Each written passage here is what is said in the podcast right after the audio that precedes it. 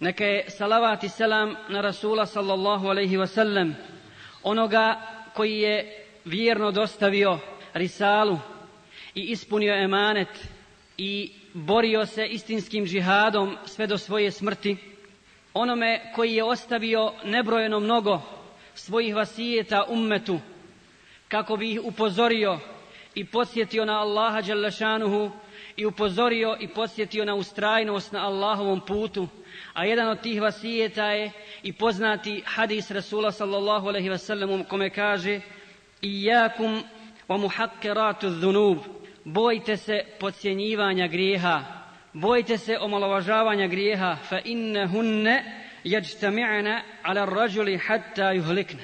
Jer će se ti grijesi sakupiti i objesiti čovjeku na sudnjem danu tako da će ga upropastiti. Draga braćo, dragi vjernici, mi ćemo inša danas u ovoj našoj hutbi u skladu sa situacijom u kojoj živimo govoriti o jednoj uzvišenoj suri, o veličanstvenim i velikim porukama iz sure koja je nama dobro poznata, a kažem tema je aktuelna i vezana je za naše stanje. Zbog toga sam je izabrao da bi smo svi zajednički se podsjetili na ahiret na strahote sudnjega dana na stajanje pred Allahom za zato kaže uzvišeni u suri zilzal a'udhu billahi minash shaitanir rajim bismillahir rahmanir rahim iza zulzilatil ardu zilzalaha wa akhrajati ardu afqalaha wa kala l'insanu laha, ya'uma idhin tuhaddithu akhbaraha bi anna rabbaka awhalaha. يومئذ يصدر الناس أشتاتا ليروا أعمالهم فمن يعمل مثقال ذرة خيرا يره ومن يعمل مثقال ذرة شرا يره kaže uzvišeni u prijevodu na naš jezik kada se zemlja svojim najžešćim potresom potrese i kada zemlja izbaci terete svoje i čovjek uzvikne šta joj je toga dana će ona vijesti svoje kazivati jer će joj gospodar njezin narediti i toga dana ljudi će se odvojeno pojaviti da im se pokažu djela njihova. I ko uradi koliko trun dobra, vidjet će ga, i onaj ko uradi koliko trun zla, vidjet će ga. Prije nego što pođemo s komentarom ovih kuranskih ajeta, spomenut ćemo slučaj imama Ebu Hanife, koji je jedan put došao na jaciju namaz u mesčidu u Kufi i imam je učio suru Ida Zulzileti.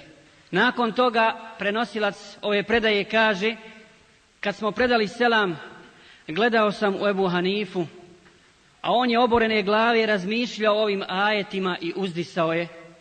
Poslije čega su se ljudi razišli. Otišli su iz mesčida, a on je ostao.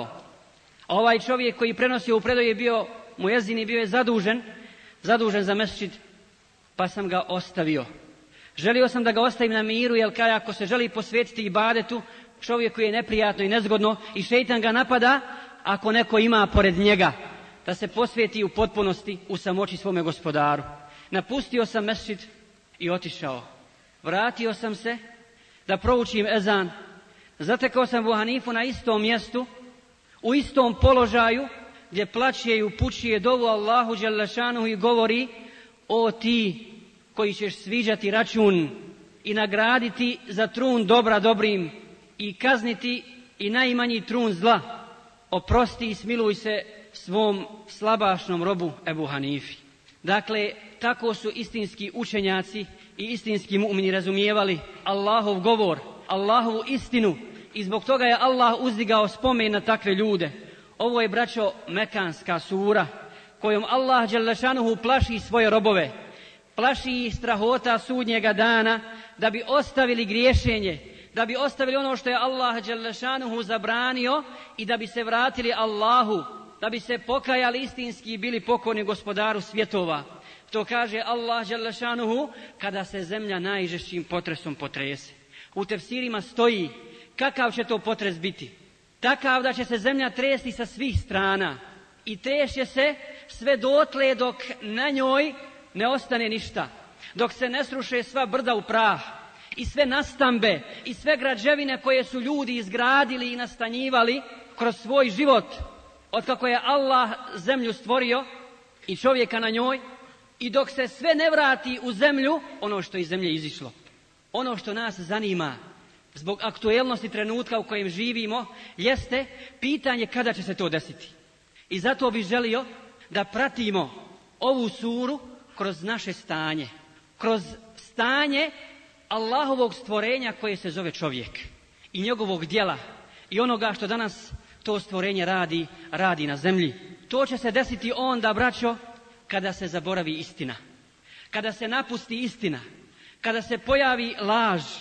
Kada ljudi ostave naređivanje dobra, a zabranjivanje zla. Kada ljudi ogreznu u svim vrstama grijeha, grijeha i poroka. Dakle, pratimo život u kojem mi živimo.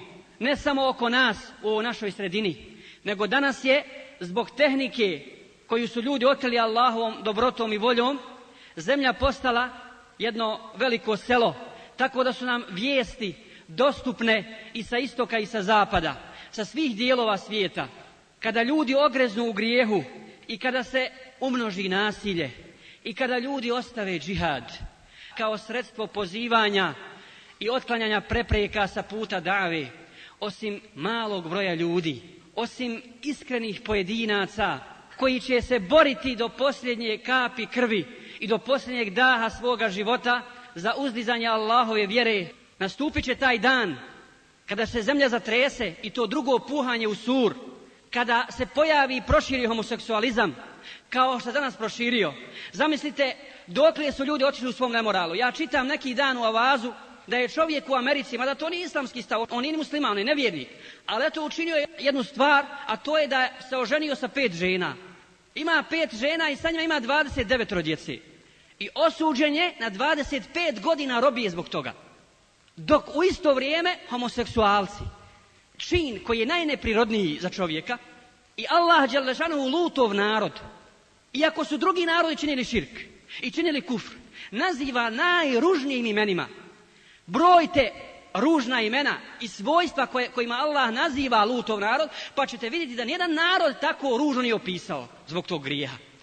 Zatim kada se namnoži zinaluk, također slučaj vrlo interesantan gdje mi možemo pratiti šta znači islam i veličina islama kojeg danas nema, koji ne vlada zemljom, kako je rekao Hasan Nedevi u svojoj knjizi, neka ga Allah nagradi, knjigu koja sigurno zavređuje da se prevede naš jezik, šta je svijet izgubio nestankom islama kao vodeće ideji? Ne šta su muslimani izgubili, nego šta je svijet, čovječanstvo šta je izgubilo onoga trenutka kada islam nije vodio narod i kada muslimani nisu bili na čelu kolone. Jedan talijan se kaže oženio i oženio je djevojku od 30 godina i napustio je istu noć zbog čega? Objavio je pred svima da nije bila nevina, da nije bila čedna. Pa su ga svi napali i kažu, zar ti očekuješ, zar je prirodno i normalno da djevojka od 30 godina bude takva? Dakle, to je utopija, to je idealizam, ne možeš to nikako očekivati. Zatim, ne samo nemoral i najgora sorta ljudi, nego nastupit će taj dan onda kada se pojave ljudi koji će naređivati dobro, a sami ga neće raditi. I kada će zabranjivati zlo, a sami će, a sami će ga činiti. Dakle, kada se zapostavi istina, a bude se slijedila strast,